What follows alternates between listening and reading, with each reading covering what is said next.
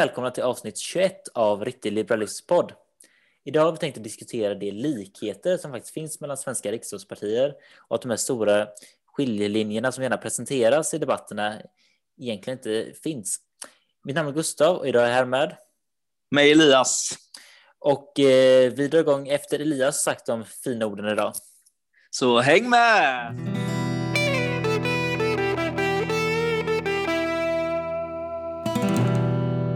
Det finns en eh, vilja i samhällsdebatten att få det framstå som att eh, eh, de svenska riksdagspartierna är fundamentalt olika, att det finns väldigt stora skiljelinjer mellan dem.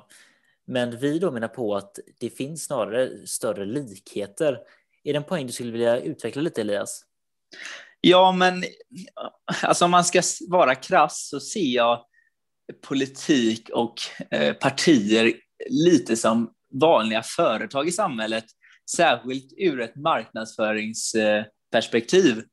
För att eh, det handlar ju, precis som det handlar om konkurrerande företag på en marknad, eh, om att försöka framstå som unika och verkligen diversifiera sig gentemot alla andra produkter, ge kunder en anledning till att köpa just sin vara, så är det lite samma sak med partipolitik, att eh, oavsett egentligen hur lika två eller flera partier är, så är det viktigt för dem att framstå som unika och ge väljaren anledning till att rösta på just deras parti. Så av lite samma anledning som till exempel Ramlös och Loka i sina reklamer och sitt varumärke försöker måla upp sig som unika i viss mån, eh, fast egentligen smakar är produkten ganska eh, eh, ja, lik i sig, men ändå så försöker de måla upp det som att de är väldigt olika. Samma princip gäller lite med riksdagspartier. Eh, och det är bara att kolla egentligen på eh, ja, de största konflikterna, eller de konflikterna som partier ofta lägger stor vikt vid i alla fall, är ju mot sina konkurrerande partier. Till exempel så har man ju sett nu Vänsterpartiet eh, senaste tiden eh, försökt eh, måla upp sig som ja, väldigt eh, skilda från Socialdemokraterna för att ja, de ska ge Socialdemokraterna en anledning till att vara så unika nog att folk vill gå och byta till Vänsterpartiet och vice versa. Eh, och eh, det är inte egentligen så konstigt för att på samma sätt som ett företag försöker, försöker eh, ja, hitta kunder och ge kunder, kunder en anledning till att eh, ja, köpa deras vara så försöker partier locka väljare att rösta på deras politik. Och det här kan man ju se exempelvis när Sverigedemokraterna kom in i riksdagen, att deras eh, anledning till att de växte så mycket var att de verkligen uppfattades och hade väldigt eh, sakpolitiska eh, skilda åsikter från de andra, exempel, särskilt då i invandringsfrågan. Och det ger ju väljaren anledning till att just byta från något av de tidigare partierna de röstat på och just gå till Sverigedemokraterna eftersom att de framstår som väldigt skilda från de andra. Ja, precis. Att sådana alltså, som tydliga skillnader mellan partier kan ju lätt få opinionen att skifta lite eller få folk att hoppa, men man ska ändå komma ihåg att alla har under någon form av politisk eh, syn och hur man vill att samhället ska styras. Så att det är väl få som gör de här enorma hoppen mellan stora ideologier. Det är inte så att ett parti kommer med ett bra förslag så går man från eh, extremliberal till extremsocialist, utan det måste finnas någon form av likhet mellan partierna man hoppar mellan. Och nog därför vi ser eh, att det ändå sker skiften mellan partier, att det finns ändå sådana likheter mellan partierna att folk känner sig bekväma med att byta parti, men det kan vara någon enskild fråga då som får trigga igång den här eh, överförelsen. Ja, exakt. Och eh, ja, precis som jag sa innan, att det är ju helt naturligt att de försöker måla upp sig som skilda. Och det är ju exempelvis därför jag tror att många stör sig säkert på politiker som använder svepande floskler och väldigt abstrakta ord och har svårt att peka på konkreta sakpolitiska åsikter som de skiljer sig åt. Exempelvis eh, Centerpartiet har gått ut hårt nu mot Sverigedemokraterna. Det är inte ofta de kritiserar Sverigedemokraternas sakpolitik utan gör svepande floskler över att de skulle vara en, en eh, brun kraft eller vad som helst. Och detsamma gäller ju tvärtom. Eh, och det är, om man vill få exempel på det här så det är bara att titta på olika partiers budgetförslag år efter år efter år, det är ju skuggbudgetar oppositionen lägger fram gentemot eh, ja, de som styr. Och skuggbudgeten är inte så omfattande som den framstår. De flesta partierna är ju överens om grunderna, fundamentet i svenska staten. Exempelvis så är alla partier i Sverige överens om att vi ska ha en, eh, en kulturfinansiering eh, som är statlig. Eh, alla partier är överens om att vi ska ha eh, public service i Sverige. Alla partier är, tycker att vi ska ha eh, en centralstyrd skola. Alla partier är överens om att vi ska ha ett försvar som är ungefär lika stort och så vidare och så vidare. Det är inte Alltså, men samtidigt då i debatterna så får de det att framstå som att de verkligen hatar varandra och att det skulle bli en katastrof om deras motståndare skulle ta över. Och det är självklart att de målar upp det så. De vill ju ge deras väljare en anledning att verkligen inte rösta på deras motståndare. Men om man går och läser sakpolitiska förslag och budgetar som de olika partierna lägger så märker man ganska snabbt att väldigt, väldigt stor andel av det politiska uppdraget är nästan, nästan till identiskt eh, partierna emellan. Och detsamma kan man säga även om man kollar på kommunal nivå. Där finns det ju alla möjliga sorters styre med alliansmajoriteter och rödgröna majoriteter och massa blandningar däremellan. Men samtidigt så skiljer sig inte kommunernas politik så mycket ifrån varandra. Eh, skattesatsen är nästan till densamma i alla kommuner och de områdena som kommunerna satsar pengar på är ofta väldigt lika, även ifall då de här partierna som säger sig hata varandra och försöker måla upp det som om deras motståndare skulle förstöra hela Sverige om de skulle ta över, så styr de sina kommuner nästan till likadant. Och även då när de styr i riksdagen och eh, bildar regering så blir det inga dramatiska förändringar när eh, ja, regering, regeringar byts ut. Och vissa kanske skulle påstå att det finns något eh, fördelaktigt det är att det blir någon form av stabilitet, men ja, det här med att de försöker, att de verkligen skiljer sig så mycket som de framstår sig att göra i debatterna, det stämmer helt enkelt eh, enligt mig. Nej, precis, och det är bara, eller som du säger där, att det blir inga större förändringar baserat på vem som styr och det är bara att se nu med den regeringskris vi nu lever i, att samtidigt nu när vi spelar in avsnittet så är det innan eh, Stefan Löfvens eh, ja, omröstning igen ifall han kan tillträda som statsminister igen. Men eh, oavsett vad som händer så har jag svårt att se att det blir något markant skillnad. Eh, samma sak ifall det blir extraval och det blir ändå M-ledd regering säger vi. Att jag har svårt att se de här alltså fundamentala skillnaderna utan där det skiljer sig mellan partier och olika kollektioner är eh, ja, det, det, är vissa sakfrågor man kan skilja sig aningen. Sen som du säger det Elias, att alla partier är ju mer eller mindre överens om det fundamentala i hur det svenska samhället ska styras. Eh, när man snackar sjukvård vidare så är det inte så att något parti har en revolutionerande ny syn på sjukvården. Det är inte så att någon, eh, ja, säg då ta den liberala vägen, säger en större privatisering i det, utan eh, det man snackar om är eh, där de då skiljer sig det hur mycket man vill satsa på det. det de slänger någon miljard fram och tillbaka och det låter mycket i debatterna, men i det stora hela är det väldigt lite pengar. Att det finns en väldigt stor fundamental gemensam syn på hur det ska styras.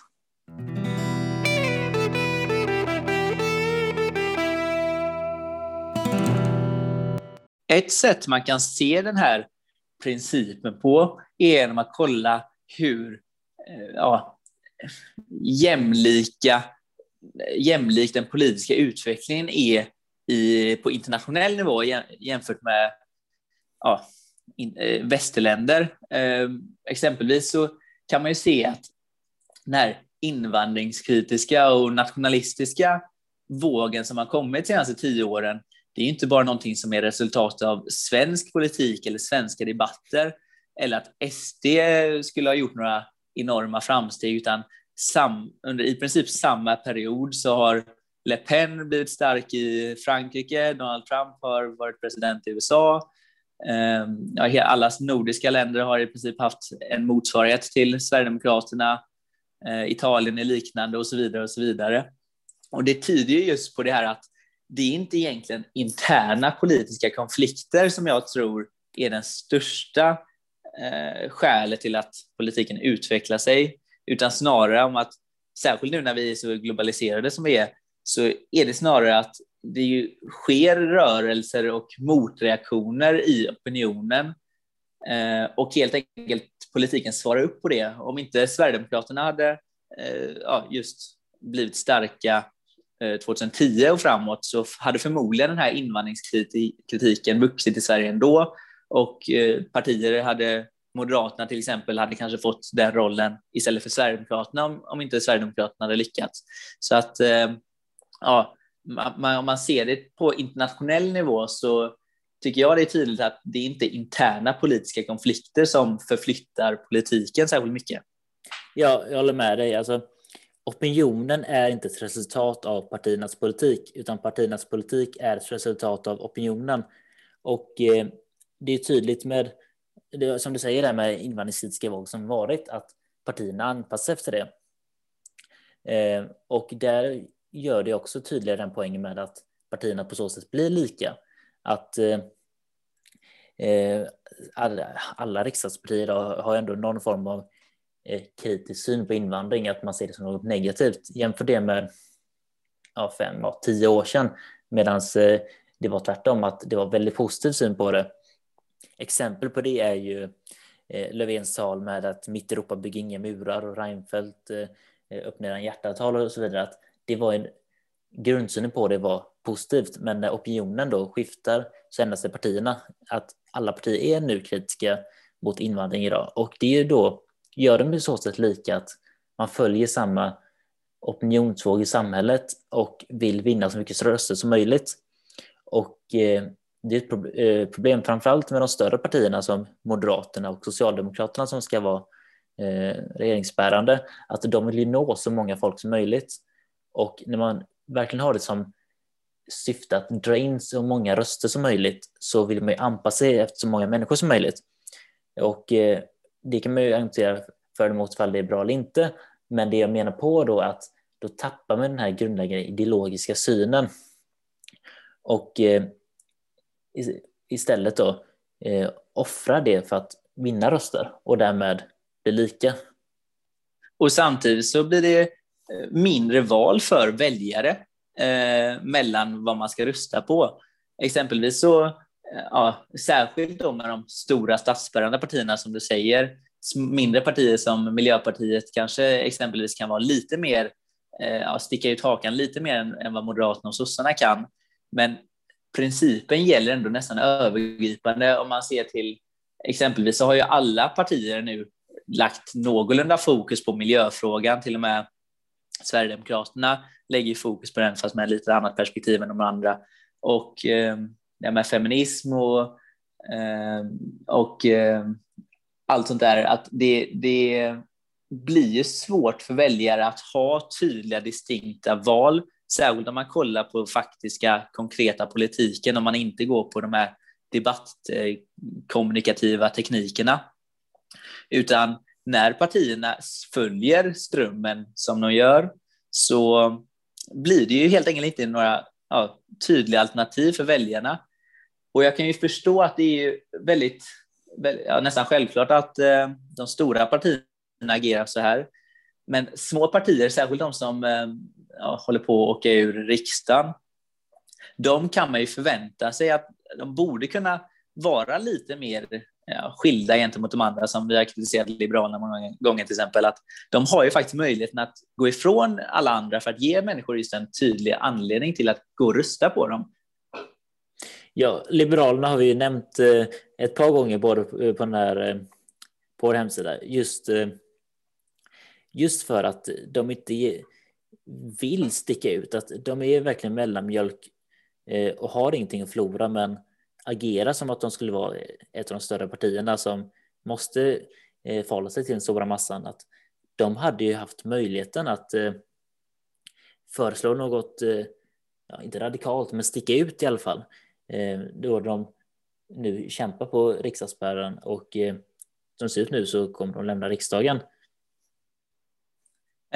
Men jag undrar någonting, vad tror du om det här att alltså, är det gynnsamt för partierna att agera så här? Jag är ju inne på det för att jag tror ändå att budskapet om att partierna skiljer sig väldigt mycket åt når ut till folket. Det, jag tror att de flesta uppfattar till exempel eh, Moderaterna och Socialdemokraterna som väldigt, väldigt skilda partier just på grund av marknadsföring, diversifiering och deras kommunikation. Så att det är möjligt att den här ja, tekniken Eh, är framgångsrik för partierna och då är det svårt att ja, få till någon förändring. Vad tror du om det Gustav? Jo, men det finns, jag, jag tror så här, det finns ju alltid en bekvämlighet i status quo, att så här är det och så här gör vi, att det är en trygghet. Och det tror jag både gäller för partier och väljare egentligen, att det är, även fast man kanske pratar om förändring och vill se det annorlunda så finns ändå trygghet i, i nuläget. Att på så sätt blir det gynnsamt att inte föreslå några radikala förändringar. Att det kan uppfattas som ja, rent av läskigt när, om eh, något parti skulle stå där och säga att nu ska vi fundamentalt förändra samhället. Att eh, jag tror inte att det är egentligen vad folk efterfrågar. Att på så sätt blir det gynnsamt att ja, på något sätt eh, fungera som en trygghet. Men, Låter det? Ja, men samtidigt. Ja, förlåt som jag avbröt, men samtidigt så, mm alltså utveckling måste ju komma någonstans ifrån att eh, partier kommer med olika idéer som testas, visar, eh, ja, får en, någon empiri på vad som fungerar och vad som inte fungerar. Och om alla partier mer eller mindre på det övergripande planet håller med varandra och inte gör några stora förändringar, då kan man ju inte heller utvecklas och hitta nya idéer, testa eh, exempelvis hur hade det fungerat att eh, till exempel låta svenska folket själva välja vilken kultur de ska konsumera. Det, om man, det testas ju inte ens i Sverige. Hade man haft tydligare sakpolitiska skillnader, inte bara kommunikativt, då hade ju för, alltså det är en förutsättning för att utveckling ska ske. Alltså det är samma sak med på, på, vilket företag som helst. Att om alla företag hade sysslat med precis samma produktutveckling så hade ju inte världen gått framåt. Nej, alltså jag håller med dig helt och hållet. Eh, men eh, jag tror att partierna lätt kan se att man har för mycket flora gentemot vad man skulle vinna på det. Att eh, det är lätt att bli partier som föreslår radikala förslag och kommer bli gerillade av, både andra partier och av media liknande. Att därför då vågar man ta det lite lugnare. Att jag tror att partier är mer rädda för de negativa konsekvenserna av ett misslyckat nytt förslag eh, än då det potentiella positiva man kan få ut av det.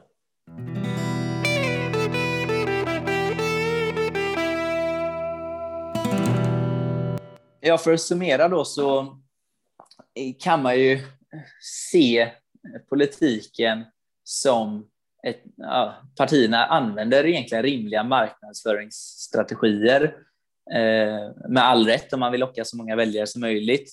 Problemen är ju då att det blir ingen tydlig ideologisk konflikt mellan de olika partierna som på något sätt är bärande över tid.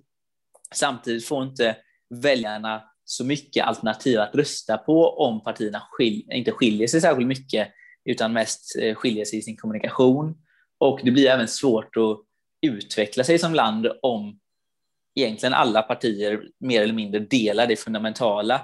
Då kommer inte nya okonventionella tillvägagångssätt testas. Eh, om, man, om alla företag inom en viss bransch hade gjort sin produkt på precis samma sätt, då hade inte eh, teknologin inom privat sektor utvecklats heller och det är ju samma princip med politiken. Så att det är ju naturligt att det blir så när, när vi har partipolitik på det sättet vi har, men å andra sidan så tror jag att det är, inte är det optimala, utan långt ifrån det.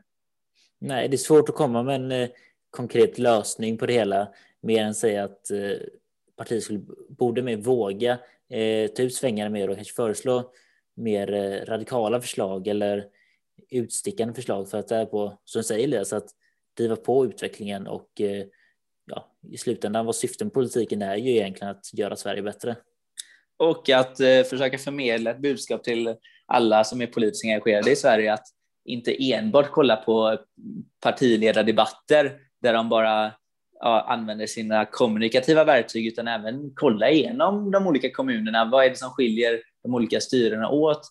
hur mycket skiljer sig verkligen Moderaternas budget jämfört mot, mot Socialdemokraternas budget de brukar lägga fram? Och om man ser det på det viset så kanske väljarna eller ja, befolkningen sätter mer press också på partier att faktiskt skilja sig åt och vara lite mer ideologiskt drivna.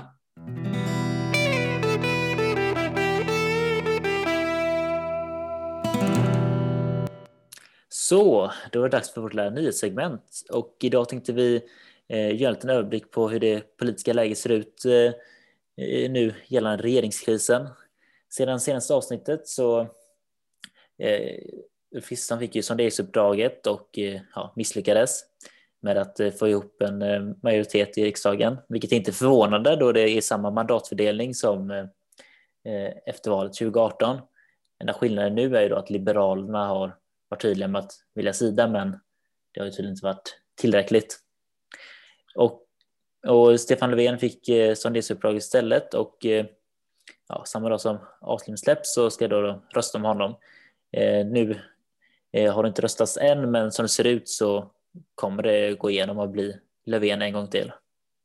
Ja, och det är ju på grund av att Centerpartiet återigen har valt att rösta gult på Stefan Löfven och, till, och acceptera eller tolerera honom igen. Samtidigt gick de ut med ett utspel, om, eller ja, gick de ut eh, i alla fall och, och jag vet inte om det är bekräftat av partiledningen, men de har ju varit i media i alla fall och, och pratat om att de ska gå i opinion efter det här. Men sen är ju frågan, vad är det för typ av opinion? Dels att tolerera en eh, statsminister för att senare precis efter gå i opinion, eller eh, opposition menar jag, eh, mot honom. Det känns ju lite ironiskt. Samtidigt så var Centerpartiet och Annie Lööf väldigt tydliga nu igen då om att de aldrig kommer tänka sig att samarbeta med Sverigedemokraterna och att de skulle vara krafter som liknar Polen och Ungern. Ehm, så att jag förstår inte riktigt vad det är för alternativ de försöker eh, ja, försöker jobba med helt enkelt. De har ju insett att Moderaterna och KD nu kom, har insett att de behöver Sverigedemokraterna för att styr, bilda regering. Så att då finns det inte så mycket alternativ. Den här idylliska verklighetsfrånvända bilden av att Moderaterna och Socialdemokraterna ska samarbeta med Centerpartiet och bilda regering, den kommer inte hända och det vet Annie Lööf själv om. Så att eh, jag tror fortfarande, även fall Centern eh, ja, insinuerar att de ska gå i opposition, så tror jag ändå att eh, det kommer sluta med att de har någon slags lojalitet igen, eh, ut mot vänster framöver för att jag ser inte dem ingå ett MKD-SD-block eh, på en lång tid helt enkelt. Nej, så kritiska de satt sig mot SD så kan de inte eh, ja, på något sätt ge dem inflytande. Det hade, ja, de, hade, de hade rasat, eh, eller den bilden de målade upp av sig själva hade i så fall rasat. Eh, men det är intressant just att eh, det de de vill ju likställa SD och vänstern i media, men det är ju väldigt tydligt att det bara är ja, spel för gallerierna, att det, den synen de har på SD har de inte på Vänsterpartiet. Eh, och det är för dem har ju det indirekta samarbetet med just Vänsterpartiet. Och det är tydligt med hela den här regeringskrisen som varit att eh, Vänsterpartiet har inflytande i svensk politik. Det det såg ut som det kunde bli då fri hyressättning i nyproduktion. Eh, men ja, på grund av Vänsterpartiet eh, och deras påtryckningar så försvann, försvann detta då. Det var bara en utredning, men då skulle det bli förslag. Så att, och Centern accepterar detta då för att inte på något sätt då ges det inflytande, men man ger så sätt Vänsterpartiet inflytande. Det ska bli intressant att se hur det blir till eh, budgetomröstningen senare i år. För att Centerpartiet sa att de inte kommer rösta på regeringens budget eh, och Stefan Löfven har sagt att han inte kommer fortsätta som statsminister om han inte får igenom sin budget. Så att det är inte helt säkert att den här krisen är löst bara för att Stefan Löfven blir återvald idag, utan det kan mycket väl bli dramatik eh, mot hösten ändå, tror jag.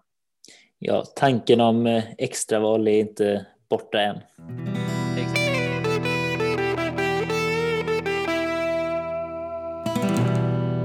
Så, det var vårt avsnitt gällande de likheter som faktiskt finns mellan svenska riksdagspartier.